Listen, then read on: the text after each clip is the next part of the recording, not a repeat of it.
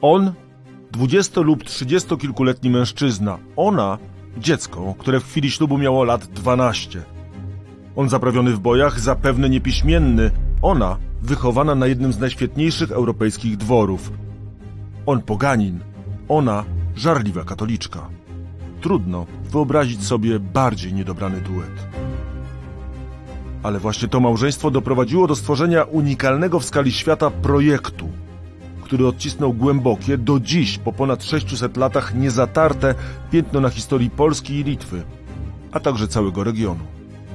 Łukasz Starowiejski, zapraszam na drugą część podcastu o Władysławie Jagielle. Tym razem jednak nie tylko on będzie bohaterem, bo obok niego pojawi się ona, Jadwiga, król Polski. Tak, tak, król, a nie królowa.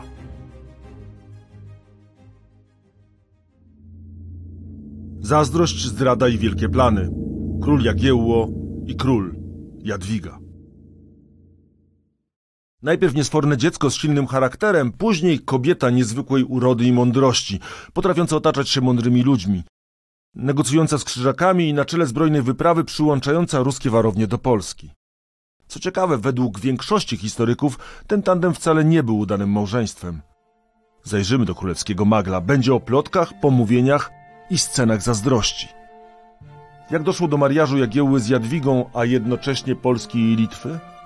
Czemu królewna początkowo tak chciała Niemca, że chwyciła za siekierę? Dlaczego Witold, stryjeczny brat króla, wszedł w pakt z śmiertelnym wrogiem Litwy krzyżakami? Co o mało nie skończyło się podbiciem jego kraju? Będzie także o tym, kto i za co musiał pod ławą odszczekiwać.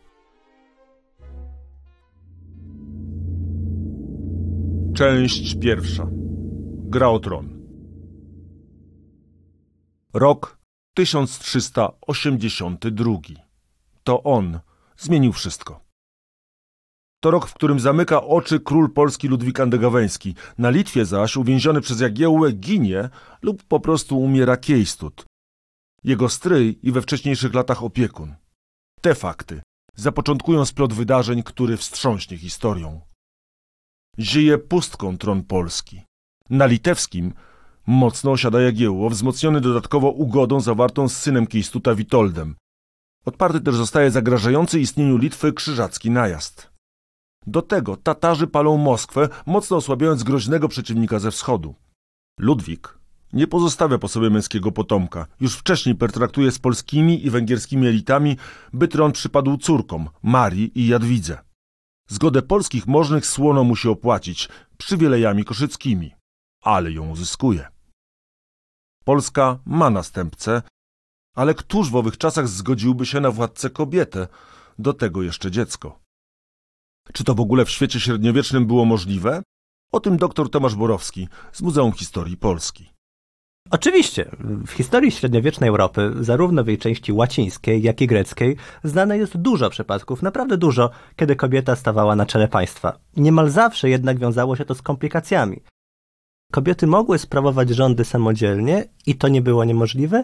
Prawie niemożliwe było, żeby te rządy były sukcesem. O tyle, ile przypadków kobiet u władzy jest wiele, o tyle przypadków takich, żeby to były długie rządy i rządy, które zakończyły się sukcesem, odnosiły sukcesy na polu militarnym, i gospodarczym, i dyplomatycznym, takich przypadków jest dużo mniej, ponieważ po prostu w patriarchalnej kulturze średniowiecznej y, kobiecie było dużo trudniej być dobrym władcą. W przypadku Polski to było tyle mniej kontrowersyjne, że Jadwiga była niepełnoletnia. W związku z tym fakt, że ona potrzebuje męża i, i że ktoś y, bardziej dojrzały od niej musi sprawować rządy w Polsce, nie wzbudzał takiej kontrowersji. Mąż był niezbędny. Pytanie skąd go wziąć? Oczy możnych zwracały się w różnych kierunkach. Zapewne także ku Litwie. Ta zaś potrzebowała sojusznika. Wielki kraj, który w ciągu kilkudziesięciu lat osiągnął monstrualne rozmiary, połykając rozległe połacie Rusi, miał wrogów śmiertelnych. Księstwo Moskwy od wschodu i przede wszystkim Krzyżaków, będących w szczytowym punkcie rozwoju. Kto zaczął rozmowy? Do dziś nad tym głowią się historycy – Posłuchajmy Pawła Jasienicy, autora Polski Jagiellonów. Rozstrzygnąć, kto pierwszy wpadł na pomysł Unii Polski z Litwą, to zupełne niepodobieństwo. Nie można wskazać nie tylko osoby, lecz nawet państwa. Historycy każdej z zainteresowanych stron z całkiem zrozumiałych względów mają skłonność do przypisywania inicjatywy drugiemu z partnerów, ale i ta reguła zna wyjątki. Badacze litewscy, rosyjscy i radzieccy zgodnie głoszą, że to Polska wystąpiła z propozycją. Zdania naszych dziejopisarzy są podzielone. Skoro historycy się kłócą, my sprawdzimy źródła. Naczęli Lachowie słać z Krakowa ku księciu wielkiemu Jagielle, aby przyjął chrzest Starego Rzymu i pojąłby u nich królewnę imieniem Jadwiga sobie za żonę i stałby się u nich królem w Krakowie na wszystkiej ziemi lackiej. Czytamy w latopisie litewskim. Jan Długosz, polski kronikarz, zdanie ma odmienne. Jagiełło, wielki książę litewski, dowiedziawszy się, że królowa Jadwiga, córka króla Ludwika, sprowadzona z Węgier do Polski i ozdobiona królewską koroną, objęła w królestwie polskim rząd i władzę i posłyszawszy tak z rozgłośnych między ludźmi wieści, jak i licznych doniesień, że pomieniona królowa była dziewicą tak przedziwnej piękności, że podobnej wówczas świat nie miał. Wyprawił poselstwo z prośbą o jej rękę. Pytanie o to, kiedy narodził się ten pomysł, też pozostaje bez dokładnej odpowiedzi. Zapewne około 1383 roku. Ale to raczej mglista hipoteza. Na pewno nikt z uczestników nie mógł przewidzieć, w jak niezwykłym projekcie macza palce i jak skomplikowanym. Tron polski jest bowiem łakomym kąskiem. Ostrzą sobie na niego zęby różni konkurenci. Przy stoliku przepychają się potencjalni krupierzy. Karty rozdawać chcą możni. Osobno małopolscy i wielkopolscy oraz Elżbieta Bośniaczka, wdowa po królu Ludwiku. Na razie to ona ma asa i to wcale nie w rękawie. To z nią cały czas mieszka Jadwiga. Co ważniejsze, Elżbieta wcale nie spieszy się z wypuszczeniem spod skrzydeł swego ledwie dziesięcioletniego dziecka. No i chce mieć wpływ na wybór jej przyszłego męża. Do decyzji o wysłaniu córki do Krakowa zmusza ją dopiero szantaż polskich możnych, którzy grożą, że Jadwiga zostanie pozbawiona praw do korony. Jedzie więc Jadwiga w nieznane. Bo gra o tron toczy się w najlepsze. Wcale nie jest tak, że Jagiełło był jej zdecydowanym faworytem. Rywali ma poważnych i potężnych. O koronie marzył choćby książę mazowiecki Ziemowit.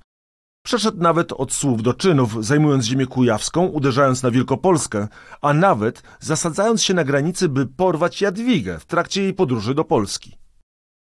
Poważnym kandydatem był też mąż Jadwigi. Tak, tak, mąż. I to mąż od siedmiu lat. Przypomnijmy, ma Jadwiga w tym momencie przesilenia historii dopiero lat dziesięć. Zaskakujące? Ale tylko dla nas, dla współczesnych małżeństwa dynastyczne dzieci były na porządku dziennym. Ludwik wydał córkę za mąż w 1378 roku, gdy dziewczynka liczyła sobie cztery lata.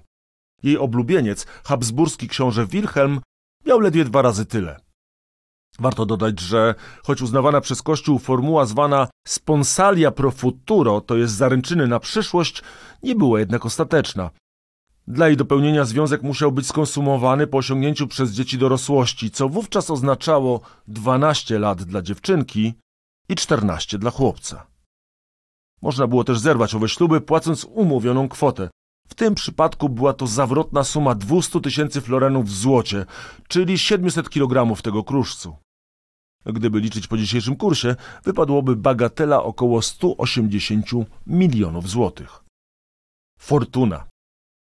Ale stawka też niebagatelna. W końcu chodziło o władzę nad Polską. Nawiasem mówiąc, zwycięski w wyścigu o rękę Jadwigi Jagiełło zobowiązał się do jej spłacenia. Nie musiał jednak w ogóle sięgać do kieszeni. Obrażony Wilhelm odmówił przyjęcia zadośćuczynienia. Wróćmy jednak do gry o tron, bo wchodzi ona w decydującą fazę.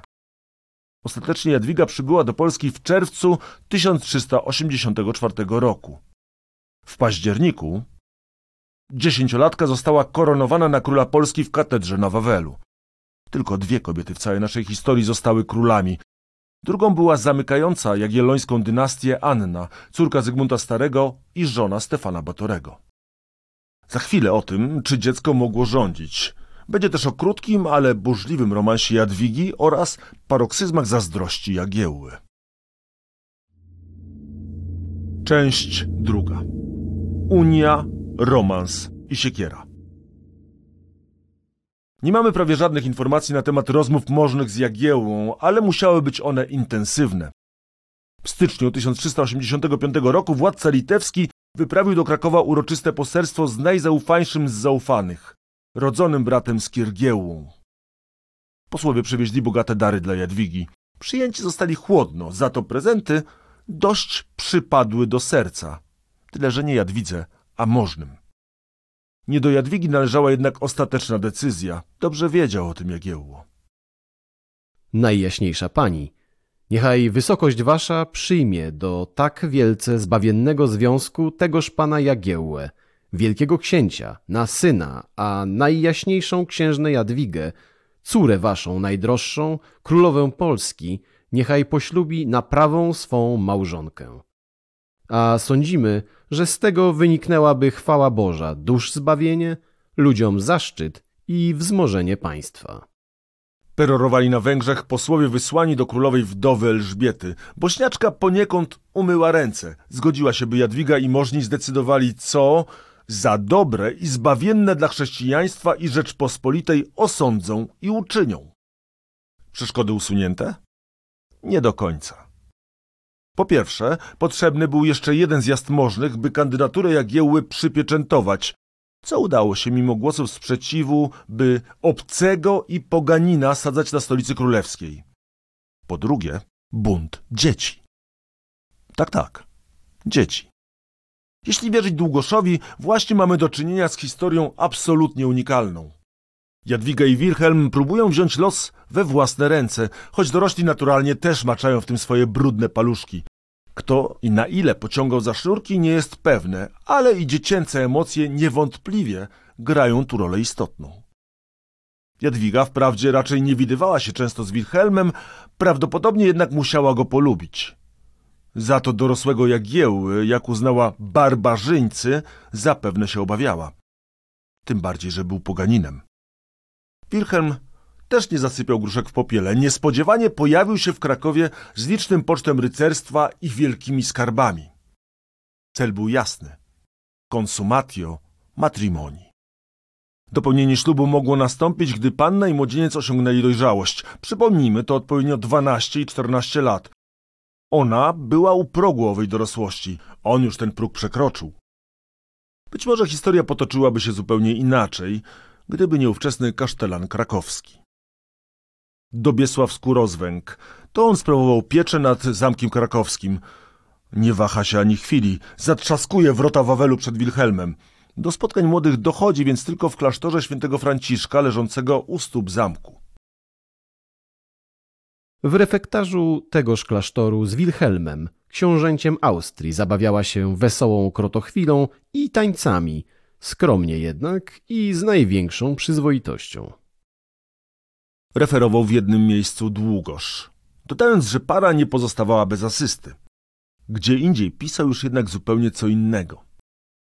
Wrócimy jeszcze do tej pikantnej historii. Zostawmy na chwilę flirtujących młodych, niekoniecznie niewinnie, jak później plotkowano, by przenieść się tam, gdzie zapadały kluczowe decyzje dla losów Polski i Litwy. Mowa o zamku w Krewie, który Jagiełło odziedziczył po ojcu. Na początku sierpnia przybyli w jego mury polscy posłowie. Najważniejsze decyzje zapewne były już podjęte, a wygładzano tylko szczegóły. 14 sierpnia 1385 roku. Unia w Krewie. To data ze wszystkich szkolnych podręczników. Tego dnia wystawił Jagiełło słynny dokument. Tyle, że wcale niekoniecznie był to akt Unii. Czym był więc ten dokument? Chwila cierpliwości. Słowa były jednak arcyważne. Słuchajmy się w nie. Nim zaś to, o czym mowa, do końca stosownego dojdzie, wielki książę Jagiełło ze wszystkimi swoimi braćmi, jeszcze nieochrzczonymi, tudzież skrewnymi, ze szlachtą, ziemianami większymi i mniejszymi, w ziemiach jego zamieszkałymi, chce, życzy i pragnie przyjąć wiarę katolicką świętego rzymskiego kościoła.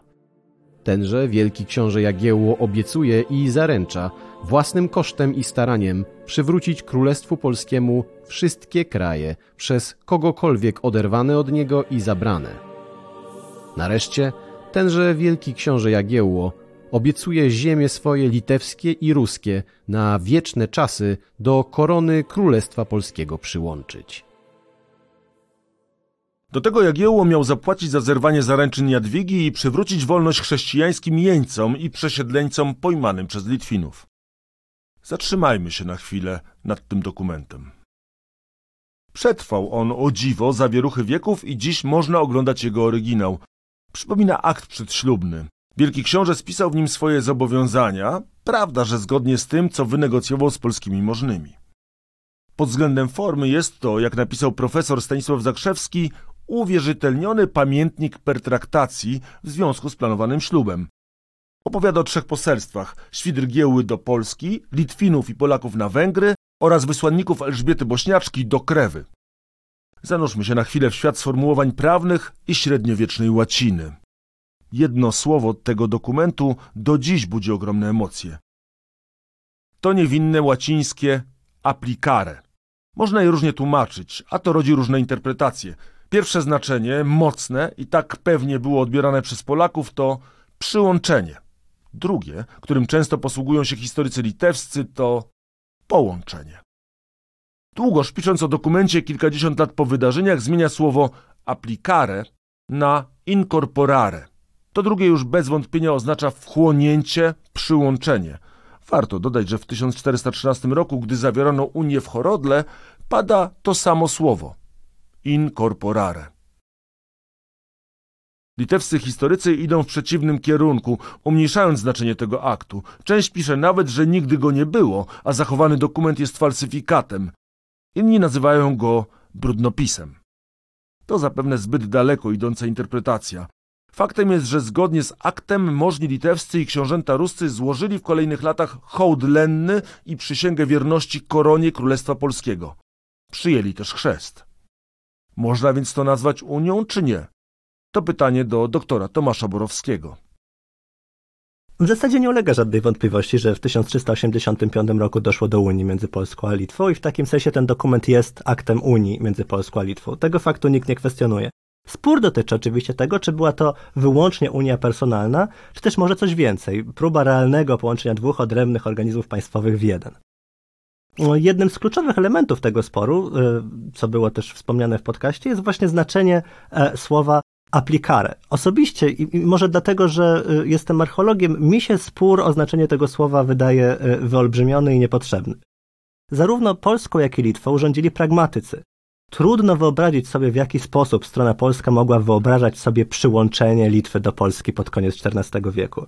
Litwa była ogromnym, bardzo różnorodnym obszarem, który sam w sobie nie był scentralizowany. Ziemie Litwy były zarządzane przez możnych i książąt wywodzących się z linii Giedymina i jest niewiarygodne, żeby ci książęta na bazie jakiegokolwiek dokumentu zgodzili się oddać swoje, e, mm, swoją władzę Polsce.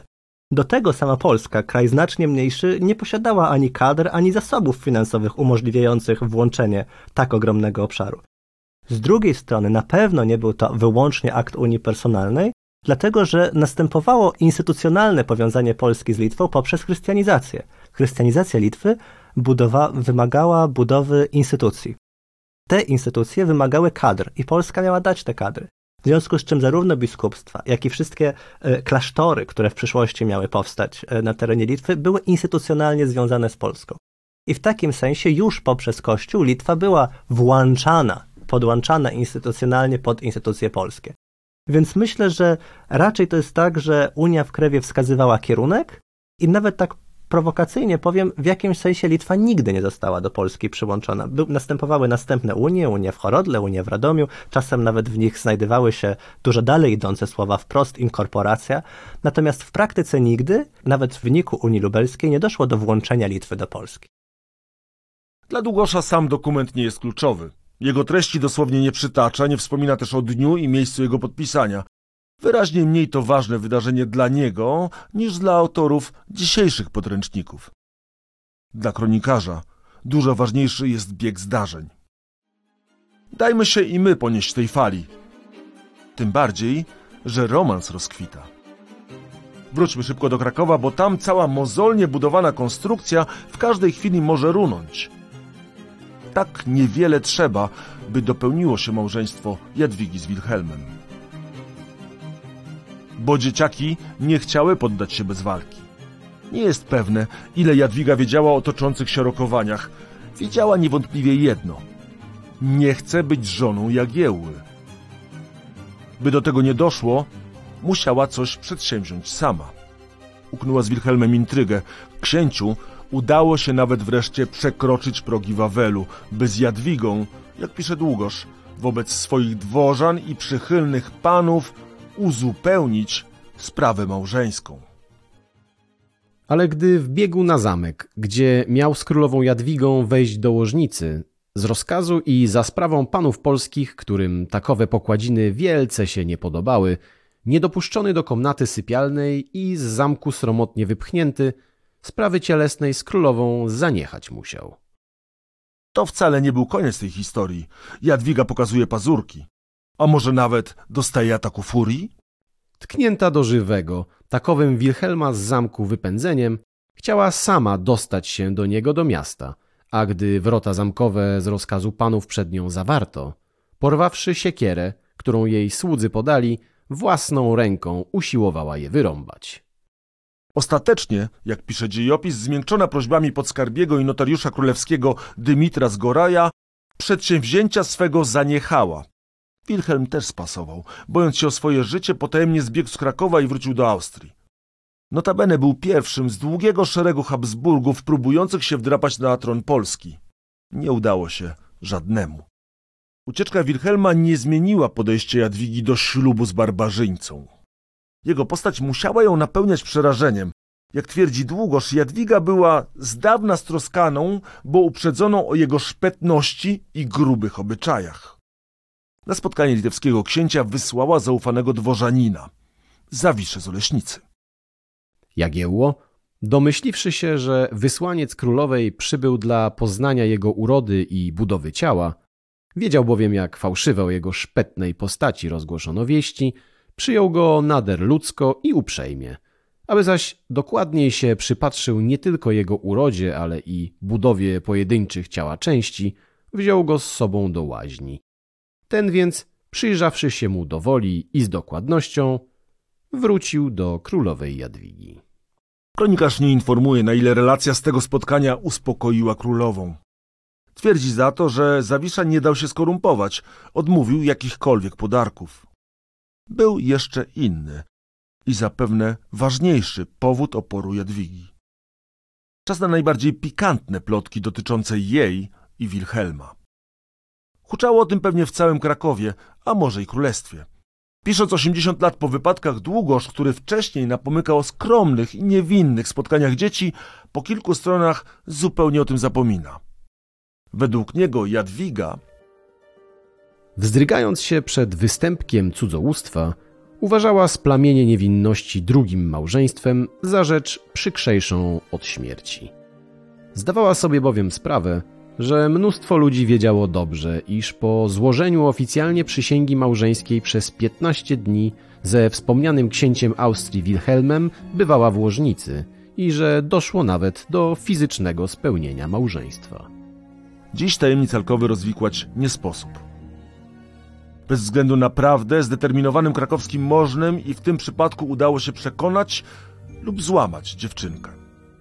Według kalendarza krakowskiego Jadwiga przed ślubem z Jagiełłą odwołała publicznie w kościele swoje zaślubiny z Wilhelmem zawarte z polecenia rodziców. Co więcej, możnym udało się też nie dopuścić do tego, by wieści i plotki o aferze z Wilhelmem doszły do uszu Jagiełły. Jedno słowo mogło przecież zburzyć mozolnie budowany projekt. Wielki książę dowiedział się o wszystkim, gdy już było i po chrzcie, i po ślubie, i po koronacji. Racja stanu została obroniona. Gorzej z małżeństwem. Dalsza część tej afery jeszcze przed nami. Na razie nieświadom zapewne krakowskich wypadków, Jagiełło niespiesznie zmierzał do Krakowa.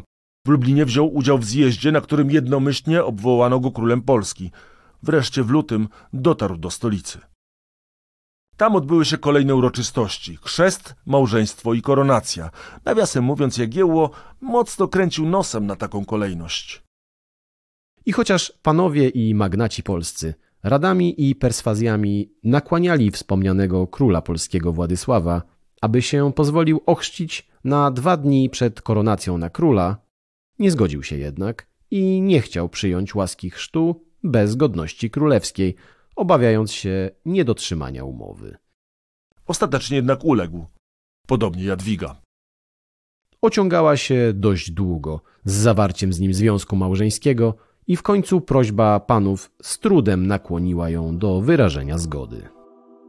Do grona chrześcijan wraz z całą świtą Jagiełło dołączył 15 lutego. Wówczas to otrzymał chrześcijańskie imię Władysław. Rodzicami chrzestnymi zostali śląski Piast, Władysław Opolczyk oraz starościna wielkopolska, Jadwiga Pilecka. Warto dodać, że z roli tej wykpił się ówczesny wielki mistrz krzyżacki, czując pewnie pismo nosem. Wydarzenia toczyły się szybko. Trzy dni później świeży chrześcijanin wziął ślub.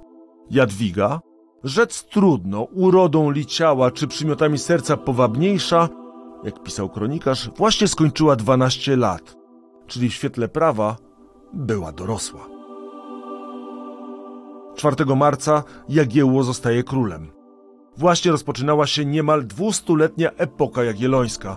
Był to czas, w którym Polska wraz z Litwą stały się potęgą na europejską miarę. Droga do tego daleka. Na razie krajowi bardziej grożą rozbiory. Tak, tak, rozbiory. O tym już za chwilę. Część trzecia. Bunt Witolda i plan rozbioru Polski. Nie miał wiele czasu Jagiełło na świętowanie. Nie doszło ojciec chrzestny, wielki mistrz, przygotował specyficzny podarunek. Na początku lutego sprzymierzony z najstarszym przyrodnim bratem polskiego króla Andrzejem Garbatym, księciem połockim, wtargnął na Litwę. Ominął co prawda Wilno, ale spustoszył ziemię i spalił dwa grody. Zbuntowali się też krewni osadzeni na księstwach ruskich i ruszyli zdobywać Witebsk i Orsze. Król zareagował błyskawicznie. Na Litwę z Krakowa ruszył Skirgiełło i szybko przewrócił spokój od wschodu. Krzyżacy, nabrawszy łupów, zawrócili. Szybko też Jagiełło zrobił porządek z Garbatym. Skirgiełło zdobył połoc, księcia Andrzeja na wiele lat wsadził do więzienia. Opozycja wewnętrzna praktycznie została złamana. Bóg dał nam wsiego mnogo, rzucił po zdobyciu Połocka Jagiełło. Na Litwie zapanował spokój, ale ponowne jego naruszenie było tylko kwestią czasu. Na razie Jagiełło trochę go zyskał, by przystąpić do chrystianizacji. Mniej lub bardziej przymusowe nawracanie rozpoczęło się już po roku. Ów ogień, miany za wieczysty w Wilnie, strzeżony przez kapłana, zwanego w ich języku znicz, który modlącym się i żądającym przepowiedni rzeczy przyszłych fałszywe ogłaszał wyrocznie, jakoby od bóstwa mu zwierzone, kazał wobec przytomnych pogan zgasić, a świątynię i ołtarz, na którym czynione ofiary, zburzyć. Kazał też powycinać święte gaje i ogrody oraz pozabijać czczone węże i żmije. Warto dodać, że działania początkowo ograniczył do centralnej połaci kraju. Na prowincji przez wiele następnych lat większość żyła po staremu. Zwłaszcza Żmudź jeszcze długo była pogańska. Pewną ironią losu, a może i pragmatyzmem było to, że nowy i żarliwy katolik wprowadzenie chrześcijaństwa powierzył prawosławnemu Skirgielle, czyli schizmatykowi. Jagiełło okazał się przy tym hojny dla kościoła katolickiego. Nowo powstające biskupstwo wileńskie dostało gród, niektóre dzielnice Wilna oraz 60 wsi. Te pospieszne i zdecydowanie działania nie były dziełem przypadku. Jagiełło potrzebował legitymizacji, uznania legalności jego władzy. W Rzymie jątrzyli bowiem krzyżacy i Habsburgowie. Ci drudzy wytoczyli proces kanoniczny, kwestionując ważność małżeństwa z Jadwigą.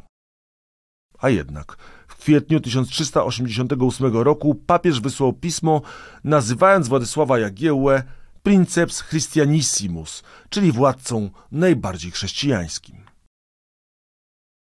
Litwa to nie była spokojna ziemia. Koronacja Jagiełły na króla Polski niczego w tej kwestii nie zmieniła.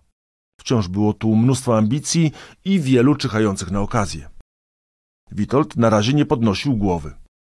Wydawał się wiernym sprzymierzeńcem i poddanym Jagiełły lub raczej grał taką rolę. W Krakowie ochrzcił się już po raz trzeci. Znów z prawosławia przeszedł na katolicyzm. Musiał jednak cały się w środku gotować. Nie jemu, lecz Skirgielle, bratu najzaufańszemu z zaufanych, powierzył Jagiełło władzę na Litwie. Witold nie otrzymał nawet swojej ojcowizny, a jego księstwo dodatkowo zostało okrojone. Jagiełło nie chciał pewnie dawać do ręki stryjecznemu bratu zbytniej siły. Znał go przecież jak zły szeląg. Za to wyzwolił w nim jeszcze większą motywację, wynikającą między innymi z urażonej dumy. Już w 1387 roku można było przewidzieć, co się święci. Witold przyjmuje na dwór zbiegłego z tatarskiej niewoli syna kniazia Moskwy. Wasylowi obiecuje nawet rękę swojej córki. To jawna niesubordynacja wobec Jagiełły. Król Polski zabrania mu kontaktów z Moskwą. Sam jednak w skuteczność rozkazu nie wierzy. Nakazuje Skirgielle wyłapywać wszystkich posłów. Na tym tle między kuzynami mocno iskrzy. Strzeżcie mnie, jak ja ciebie, rzuca Witoldowi Skirgiełło. Jagiełło próbuje mediacji, wzywa antagonistów i zmusza do wyrażenia wzajemnych słów deklarujących miłość i zgodę braterską. Musiał chyba zdawać sobie sprawę, że słowa w ustach litewskich książąt nie są zbyt wartościowe, zwłaszcza te wypowiedziane pod przymusem. Witold żąda poszerzenia księstwa o Troki lub Wołyń, ale nic nie dostaje. Jagiełło, widząc jednak, co się szykuje, uszczupla władzę Skirgiełły. Na starostę Wilna mianuje Polaka. Do tego w mieście osadza polską załogę. To błąd. Siarczysty policzek odczuwa nie tylko Witold, ale i bojarstwo. Syn Kiejstuta pod koniec 1389 roku próbuje nawet podstępem zdobyć Wilno. Po odkryciu spisku musi uciekać. Krzyżacy. Śmiertelny wróg Litwy.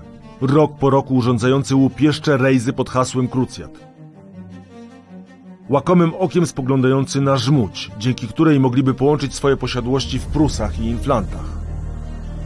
Ale to właśnie tu zbiegł Witold. I to po raz drugi. Nic z tym nadzwyczajnego. Szokujące stwierdzenie, a jednak. Książęta litewscy nieraz już układali się z zakonem. Czynili to też i Kiejstut, i Jagiełło.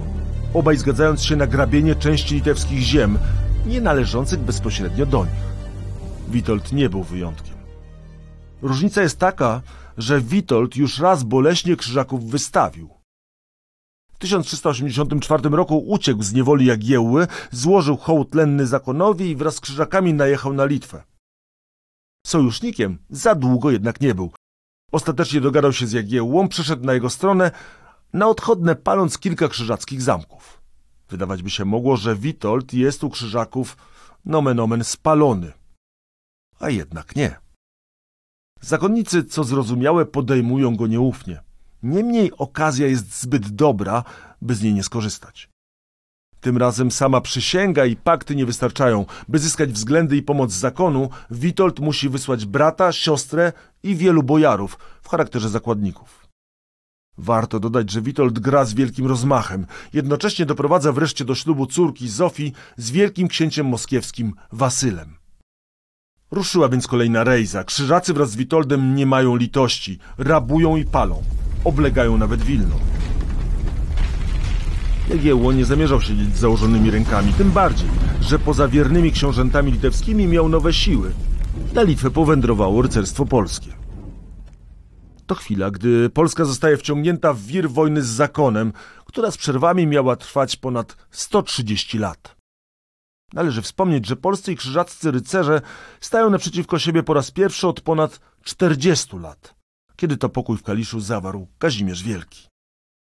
Na razie konflikt tli się nieoficjalnie. Od nas może korona polska pewną być miłości i pożytku. Zaręcza poselstwo wysłane do Krakowa przez krzyżaków. Nowo wybrany wielki mistrz szkaradnego oblicza, jak piszą kronikarze, Konrad Wallenrod planuje wielką wyprawę, która ostatecznie ma pozwolić na podbój Litwy. Rejza przynosi sukcesy. Zakonnicy zdobywają kilka miast, w tym Grodno, i stawiają zamki. To tradycyjna u nich metoda podboju. Pod koniec 1391 roku Witold odzyskuje większość ojcowizny, a Żmudź znajduje się w rękach krzyżaków. Jagiełło znów staje pod ścianą. Tym bardziej, że sytuacji uważnie przygląda się Moskwa. Mało? Śląski Piast. Książę Władysław Opolczyk, chrzestny Jagiełły, przedstawia plan rozbioru Polski. Mieliby w nim uczestniczyć Krzyżacy, Brandenburczycy i Ślązacy. Nie pierwszy to raz Jagiełło znajduje się w strasznych tarapatach. Mało kto, tak jak on, umie się z nich wywinąć. Wybiera wypróbowaną już wcześniej ścieżkę. Stosunki z Witoldem są pogmatwane i pełne wiraży. W końcu ich ojcowie, bracia Olgierd i Kiejstut, ręka w rękę rządzili Litwą. Zarówno Jagiełło, jak i Witold byli ich ulubionymi synami. Ponoć, jak twierdzą kronikarze, kochali się nawzajem. Ich relacje przypominają skomplikowaną partię szachową, w której wszystko dookoła to elementy gry. Rodzina, kraj, wrogowie czy sprzymierzeńcy. Gdy okazja ku temu sprzyja, gotowi są nawet wtrącić przeciwnika do więzienia. Zdarza im się jednak dokonywać zaskakujących wolt. Teraz czas na kolejną. Misja jest arcytrudna. Krzyżacy bardzo uważnie patrzą niepewnemu sojusznikowi na ręce. W okolicach jego siedziby w Kownie budują własny zamek, Ritterswerder. Pilnują Witolda nieustannie. Jagiełło używa podstępu. Na ziemię zakonne wysłany zostaje ledwie dwudziestoletni biskup Płocki, książę Henryk Mazowiecki. Jedzie pod pozorem facere unionem inter Polonos et ordinem, czyli czynienia pokoju między Polską i zakonem. Krzyżacy połykają przynętę. Kościa przyjmują z honorami, zgadzają się nawet, by pojechał do Ritterswerder. Na to tylko czekał biskup Henryk. To musiało być prawdziwe salto mortale. Henryk zrzuca maskę jednocześnie z duchowną sukienką. W ciągu zaledwie trzech tygodni poślubia siostrę Witolda. Przy okazji przedstawiając ofertę Jagiełły. To propozycja z gatunku nie do odrzucenia. Jagiełło proponuje, by Witold został wielkim księciem litewskim. Ten woltę wykonuje w swoim stylu. Pali Ritterswerder i jedzie na spotkanie z królem. Nie jest pewne, jak w szczegółach wyglądało porozumienie. Długoż nazywa Witolda namiestnikiem.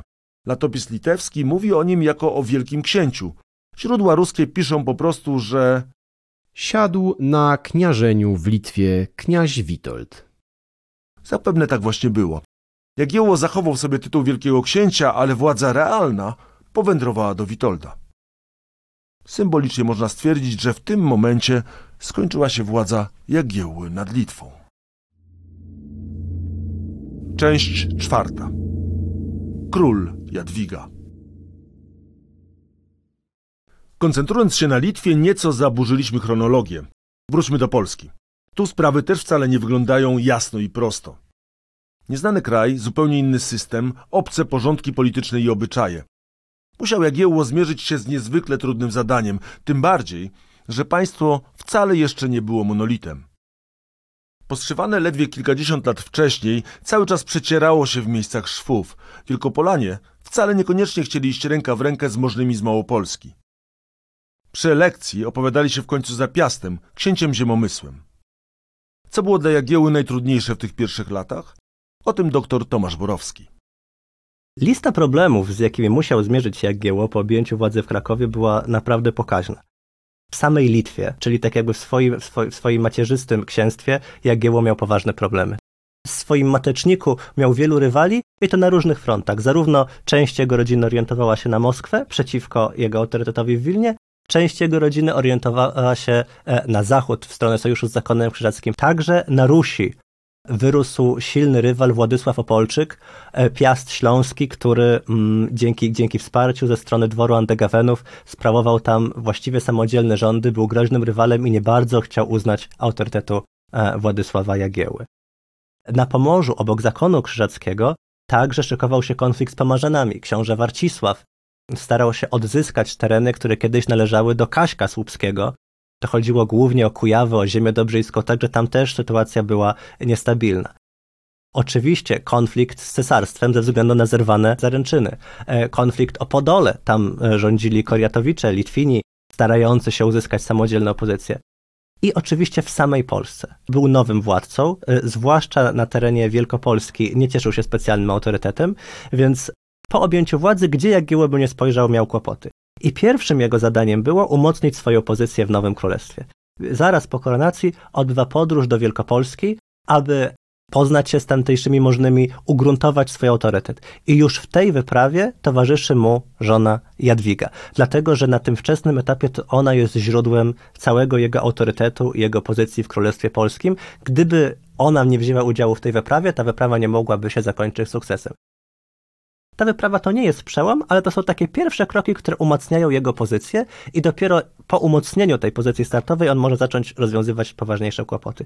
I na tym wczesnym etapie wsparcie Jadwigi było kluczowe. Mimo trudnych relacji między małżonkami, ona tego wsparcia udziela. Razem z nim wyprawia się do Wielkopolski, jego autorytet jest tam budowany, jego pozycja i dzięki temu może zająć się pertraktacjami z Pomorzanami, ze swoją rodziną na Litwie, z Władysławem Opolczykiem, z tymi wszystkimi zewnętrznymi problemami i Jadwiga zapewnia mu mocną pozycję w Polsce.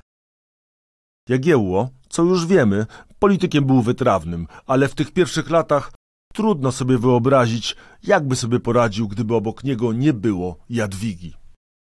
I to mimo tego, że pożycie małżonków nie układało się najlepiej. Doszło między nimi do godnych potępienia wybuchów nienawiści, pisze Długosz. Plotki o Jadwidze i Wilhelmie docierają w końcu do królewskich uszu. Trudno się dziwić, że Jagiełło jest wściekły, podejrzliwy i zazdrosny. Truciznę podejrzeń sączy mu do ucha niejaki gniewoż z Dalewic. Wszystko kończy się jednak polubownie dzięki staropolskiemu zwyczajowi odszczekania. Tak, tak, dosłownie odszczekania. Jadwiga daje odpór plotkom i kalumniom. Uroczyście przysięga, że w jej łożu nigdy nie znalazł się inny mężczyzna. Podobne świadectwo składa wielu możnych. Dodatkowo, dwunastu rycerzy gotowych jest obrazę pomścić orężem. Musiał rozumieć gniewoż, stając przed sądem, że jedno słowo może go kosztować gardło. Milczał więc. Sędziowie na naleganie Jaśka Stęczyna, rzecznika królowej, winowajcę po kilkakroć wzywanego, aby odpowiadał w swojej sprawie, a milczącego i nie już sądowego wywodu, ale łaski i miłosierdzia żądającego, skazali na odwołanie po twarzy tak, iżby natychmiast wobec przytomnego grona sędziów obyczajem psów odszczekał swoje kłamstwo. Królową zaś Jadwigę ogłosili za niewinną. Ciekawe, co czuł gniewoż, podporządkowując się wyrokowi. Wstyd i hańbę? Czy może ulgę? Pewnie i to, i to. Wyrok w tej politycznej ustawce był przecież i tak łagodny. W każdym razie karę wykonał niezwłocznie. Zaraz więc gniewoż musiał, schyliwszy grzbiet, wleść pod ławę, a po jawnym zeznaniu, iż fałszem było i niegodziwą potwarzą, co przeciw królowej Jadwidze nakłamał, głośno zaszczekał. Tak surowym wyrokiem ocalono sławę i niewinność królowej Jadwigi. Jadwiga to już teraz zupełnie inna osoba. Przełknęła łzy upokorzenia, pogodziła się z utratą pierwszej miłości. Przechodzi niezwykłe przeobrażenie. W końcu nie jest żoną króla. To ona jest królem. A Jagiełło ledwie władcą Jure Uxoris, sprawa żony. Jadwiga podchodzi do tego bardzo poważnie i z sukcesami. Towarzyszy Jagielle w pierwszej wyprawie do Wielkopolski. Możni tej dzielnicy nie na żarty drą koty między sobą. Do tego Litwinom są niechętni. Woleli w końcu na tronie Piasta. Na Jadwigę zaś zgodzili się wszyscy. Królowa umie też postawić się Jagielle. Gdy ten zbiera z okolicznych wsi daninę na utrzymanie swojej świty, Jadwiga, naprawiając błąd króla, zwróciła wszystek okup. Podobno zaś w goryczy swego serca powiedzieć miała, wprawdzie zwróciliśmy wieśniakom bydło, ale kto im zwróci wylane łzy? kilka miesięcy zajmuje królewskiej parze uporządkowanie spraw w kolebce Polski. W kolejnym roku Jadwiga towarzyszy też królowi w wyprawie na Litwę. O ile w sprawach państwowych działają wspólnie, o tyle prywatnie wciąż mają ze sobą na pieńku. Raz po raz powstawały nowe nieporozumienia i nowe sceny zazdrości między królem polskim Władysławem a królową Jadwigą z racji pewnych podejrzeń, które rozsiewali niegodziwi pochlebcy. Jakie to podejrzenia nie wiemy. Kronikarz ich nie wymienia. O ile w Wielkopolsce Jadwiga asystuje mężowi, to sprawa Rusi spoczywa na jej barkach. Już w 1386 roku zatwierdza przywileje Lwowa. Później samodzielnie, choć oczywiście otoczona przez możnych, rusza ze zbrojną wyprawą. Podczas wyprawy na Ruś cieszyła się zaś tak wielką sympatią i przywiązaniem u rycerzy, że wszyscy ulegali jej jak mężowi i posłusznie wykonywali jej rozkazy. To sporna ziemia. Prawa do niej roszczą sobie i Polska, i Węgry, i Litwa. Formalnie panują tam ci drudzy. Zbrojna wizyta Jadwigi przynosi wspaniałe efekty. Większość miast poddaje się Polsce. Wspomniane ziemie ruskie, oderwane niesłusznie i wbrew prawu od Królestwa Polskiego, jednoczy i przyłącza do tegoż Królestwa Polskiego, by tym bohaterskim czynem zasłużyć sobie na wieczną pamięć w sercach Polaków. Tylko Halicz musi później zdobywać zbrojnie Witold. Warto przy tym dodać, że Jadwiga działa tu przeciw swojej matce i siostrze, które władają Węgrami. Zarazem jednak łagodzi obyczaje. To ona stoi za obniżeniem temperatury konfliktu między Witoldem i Skirgiełą. Ułożyli się zaś zgodnie obaj książęta, że gdyby powstały między nimi nowe nieporozumienia, spory i nienawiści, to mają się zwracać do królowej polskiej Jadwigi, którą obaj obrali za wspólną rozjemczynię przyszłych sporów. Zatwierdzono to sporządzonym dokumentem. A to i tak nie wszystko. Odbiera też hołd lenny od władcy Mołdawii, a niedługo zobaczymy ją w roli negocjatora, naprzeciw samego wielkiego mistrza zakonu krzyżackiego. Spraw do załatwienia na już jest znacznie więcej. Tym bardziej, że jak wspomnieliśmy, zawisł nad Polską cień rozbioru. Aby już króla Polski więcej nie było. Plan uknął śląski książę Władysław Opolczyk. Postać od wielu lat odciskająca piętno na polityce regionu. Był prawą ręką Ludwika Andegawańskiego. W jego imieniu przez pewien czas był nawet namiestnikiem Polski. Sprawował też zarząd nad Rusią Halicką. Był ojcem chrzestnym Jagieły, a jednocześnie jego zaciekłym przeciwnikiem. Spójrzmy na mapę. Dopiero wówczas, widząc czym włada, okazuje się jak groźnym był graczem. Ziemia wieluńska stanowiła swoisty łącznik między Wielkopolską i Małopolską. Ziemia dobrzyńska leżała przy granicy krzyżackiej, podobnie jak część posiadanych przez niego Kujaw. Wspólną granicę miał też z Marchią Brandenburską, nie licząc oczywiście dziedzicznych posiadłości na Śląsku. Opolczyk dysponował narzędziami, by prowadzić naprawdę niebezpieczną dla Polski politykę. Śląski książę kusił krzyżaków. Mój pan, król Węgier, margrabia Moraw, książę Jan Gorlicki, książę austriacki i ja, Władysław Opolczyk, uradziliśmy jednogłośnie wtargnąć do Polski, w czym i król czeski Wacław chce nieść pomoc. Otóż panowie ci sądzą, że i wy z waszej strony nie odmówicie. Według planu Dobrzeń, Kujawy i Mazowsze miały przypaść zakonowi. Małopolskę i Ruś zająć miały Węgry. Ziemie na zachód od Warty miały przejść we władanie króla niemieckiego oraz marchi. Miał więc to być kres Polski? Na szczęście daleko do tego. Krzyżacy plan śląskiego księcia przyjęli ze sporą rezerwą. Odrzekli, że owszem, chętnie przyłączą się do wojny, ale w przypadku Jeżeli Ojciec Święty przeciw Polsce zapowie krzyż i król rzymski miecz. Inaczej mówiąc, domagali się ogłoszenia krucjaty i udziału króla niemieckiego. Także wśród innych członków potencjalnej koalicji dochodziło do poważnych zgrzytów. Krzyżacy za to chętnie przejęli w zastaw ziemię dobrzyńską, wypłacając Opolczykowi 73 tysiące złotych węgierskich, czyli około 250 kg czystego złota. Ta transakcja będzie kosztować znacznie więcej. Tyle, że walutą będzie krew. Ziemia dobrzyńska stanie się kością niezgody między Krzyżakami a Polakami. Nawet po upadku planu Opolczyka sytuacja Jagiełły jest krytyczna. Przypomnijmy, to czas, gdy Witold wraz z Krzyżakami podbija coraz większe obszary Litwy. Jagiełło jedzie na Litwę, by godzić się z Witoldem. Porozumienie z bratem stryjecznym rozwiązało ręce Jagielle w sprawach królestwa. Sukcesywnie zaczął rozmontowywać sojusze Opolczyka, wsparł króla niemieckiego w konflikcie z Krzyżakami. Uzyskał poparcie książąt mazowieckich. Szybko też uderzył na włości ojca chrzestnego. Większość z nich włączył do Polski. Nie zaatakował tylko ziemi dobrzyńskiej. Na wojnę z zakonem jest jeszcze za wcześnie. Z drugiej strony tej sprawy nie można było tak po prostu zostawić. Jak nie wojna, to układy. Zdecydowano, że na zjazd uda się raczej królowa Jadwiga niż król Władysław, żeby król, rozjątrzony dawnymi i świeżymi spustoszeniami jego ojczyzny, Litwy, zbyt twardymi słowami nie wywołał wojny, której wybuchu troskliwie unikano. Pisał Długosz. Jadwiga jako spadkobierczyni zarówno Piastów, jak i Andegawenów i z tej racji dziedziczka ziemi dobrzyńskiej miała prawo upominać się o sporny obszar. Nawet krzyżacy nie śmieli w cztery oczy temu zaprzeczyć. Wielki mistrz rzucił nawet, że w każdej chwili jest gotów zwrócić Dobrzyń pod warunkiem zwrotu zastawu i zgody Opolczyka. Piękne słowa, ale twarda gra. Krzyżacy dobrze wiedzieli, że Opolczyk ani myśli udzielić takiego zezwolenia, a tym bardziej zwrócić zastawu. Rozmowy toczyły się dalej. Bez widomego skutku w końcu Jadwiga nie wytrzymała.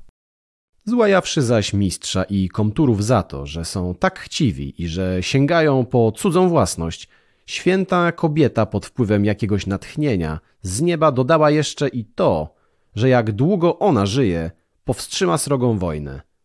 Ale niech wiedzą, że po jej śmierci spotkają ich z najsłuszniejszego wyroku Bożego bardzo ciężkie klęski. Prorocze okazały się te słowa i zapewne padły, bo potwierdza je kronika krzyżacka. Na razie wszystko jednak zmierzało ku utrzymaniu status quo, a nawet szala przechylała się na stronę krzyżaków. Wszystko przez Witolda. Po ugodzie z Jagiełłą szybko posprzątał na Litwie. Udzielni książęta, tylko formalnie związani z Litwą, potracili swe włości. Syn Kiejstuta zaczął też podboje na Rusi. Miał już bowiem plan znacznie większy, który wiele lat wcześniej na krawędź przepaści doprowadził Jagiełłę. Chciał zająć Nowogród Wielki, a jak się da, to i Moskwę. Sam siadł na Moskwie, na wielką kняжeni, na wsiej ruskiej ziemi.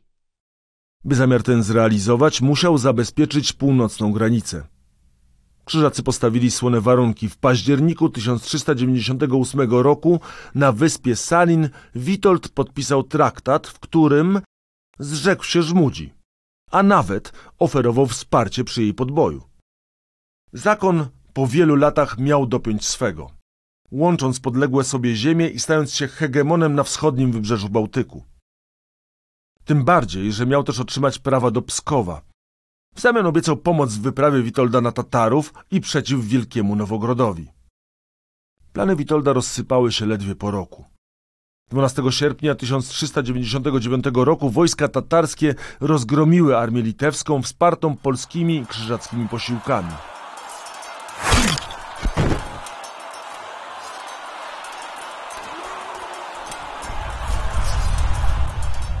Bitwie nad Worsklą legło 74 kniażów litewskich i ruskich.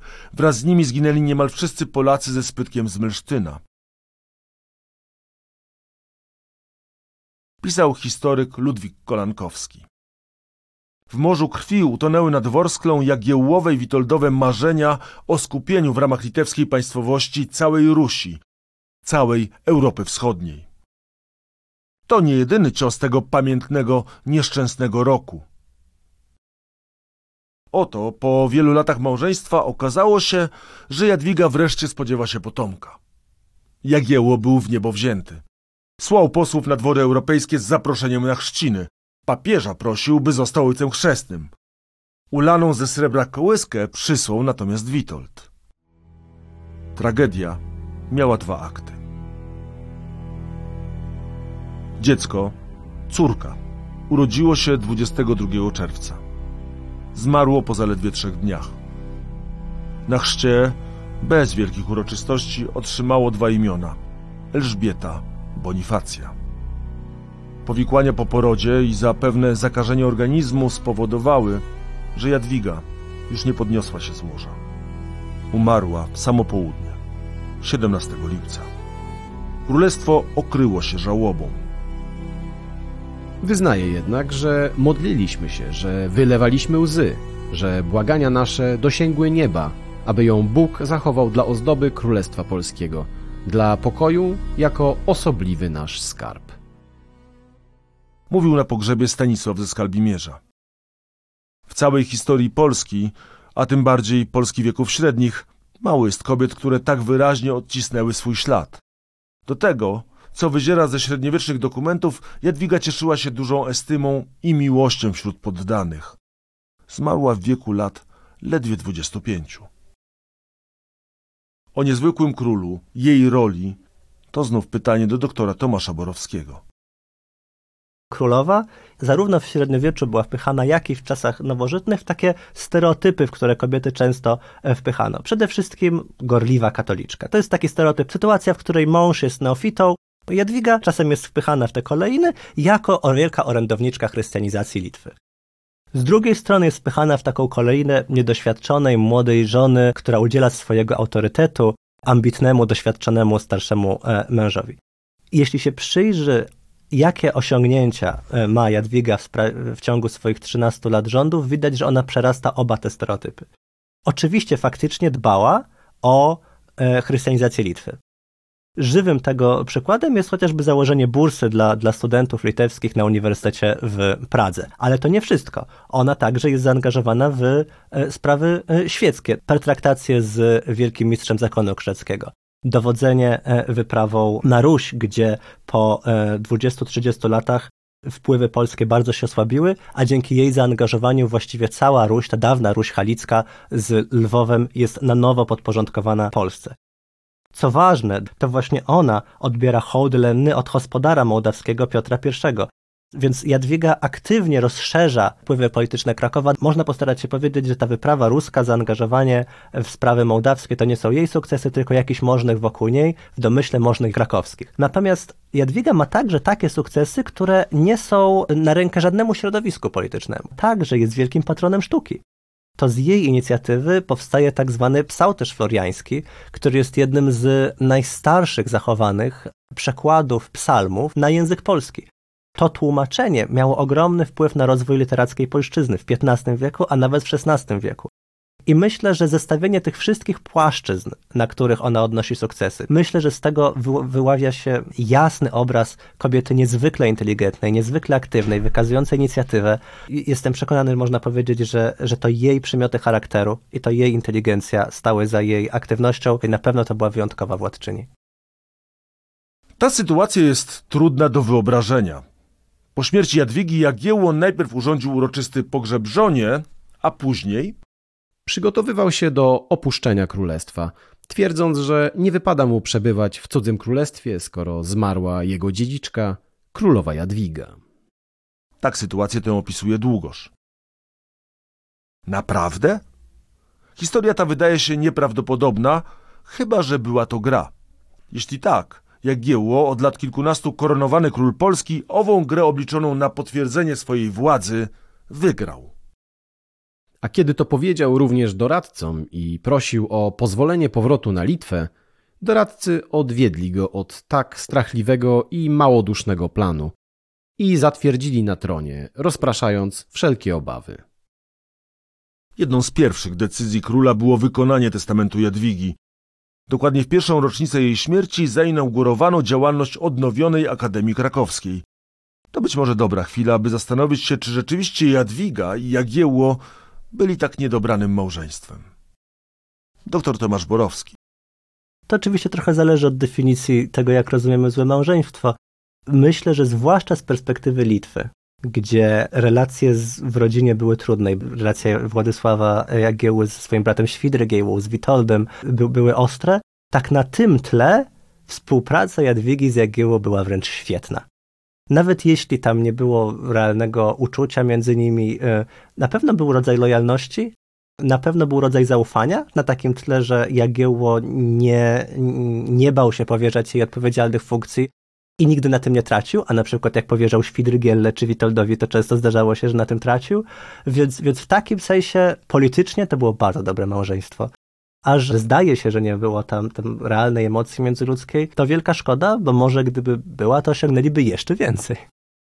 Jagiełło umocniony postawą możnych postanawia wreszcie ostatecznie uporządkować sprawy z Witoldem. Zimą jak zwykle pojechał na Litwę. Tam 18 stycznia 1401 roku doszło między stryjecznymi braćmi do ugody. Witold wystawił dokument potwierdzający wierność wobec korony i króla. Jagiełło odwzajemnił się pismem oddającym w dożywotnie dzierżenie całe księstwo litewskie z wszystkimi przynależnymi doń ziemiami. Swój dokument dołożyli też bojarzy i kniaziowie, potwierdzając, że po śmierci Witolda wszystkie ziemie litewskie mają zupełnie i całe przypaść i wrócić. I my też z naszymi potomki mamy do rzeczonego pana Władysława, króla, korony i królestwa polskiego przystać, poddać się i być posłuszni. 11 marca układ został parafowany przez Radę Królewską w Polsce. Obie strony obiecały sobie wzajemnie, że następnego władcy nie wybiorą wbrew woli którejś ze stron. Unia ta weszła do historii jako wileńsko-radomska. Niesłusznie jest traktowana nieco po macoszemu. To chwila, gdy po raz pierwszy widać zalążki wspólnego państwa. Choć trzeba przyznać, że znaleźli się i tacy badacze, którzy uważali wręcz przeciwnie, że utwierdziła dwa osobne państwowe byty. Na pewno dała silną podstawę pod ściślejszą współpracę między Jagiełą i Witoldem. Układ najbardziej zaniepokoił krzyżaków. I słusznie. Jego naturalnym następstwem mogła być wspólna akcja przeciw zakonowi. W obu państwach nabrzmiewały wrzody. Dla Polski bolesną zadrą była ziemia chełmińska, a dla Litwy Żmudź. Nie należy też zapominać o całym Pomorzu Gdańskim. Myśl o rewindykacji na pewno nadal była żywa wśród Polaków. Zaczynało wypełniać się proroctwo Jadwigi, choć nazwa Grunwald jeszcze nikomu nic nie mówiła. Śmierć Jadwigi i porozumienie z Witoldem kończą pewien etap tej historii, tym bardziej, że wraz ze śmiercią kobiety króla wygasła w Polsce dziedziczność tronu. Tutaj też skończymy ten podcast, zapraszając jednocześnie na ostatnią, trzecią część tryptyku, którego bohaterem jest Jagiełło. Wielka wojna wisi już w powietrzu, podobnie jak kolejna Unia. Państwo Jagiellonów zmierza ku formatowi europejskiego mocarstwa. Jesteśmy właśnie na progu złotego wieku w historii Polski. Do usłyszenia wkrótce. Mam nadzieję. Mówił Łukasz Starowiejski. Tysiąc lat. Prześwietlenie. Podcast Muzeum Historii Polski o najważniejszych wydarzeniach w historii Polski. Podcastów Tysiąc lat prześwietlenie wysłuchasz na YouTube, Spotify, Google Podcast, Audiotece, a także na innych platformach podcastowych. Chcesz być na bieżąco? Subskrybuj kanał Muzeum Historii Polski.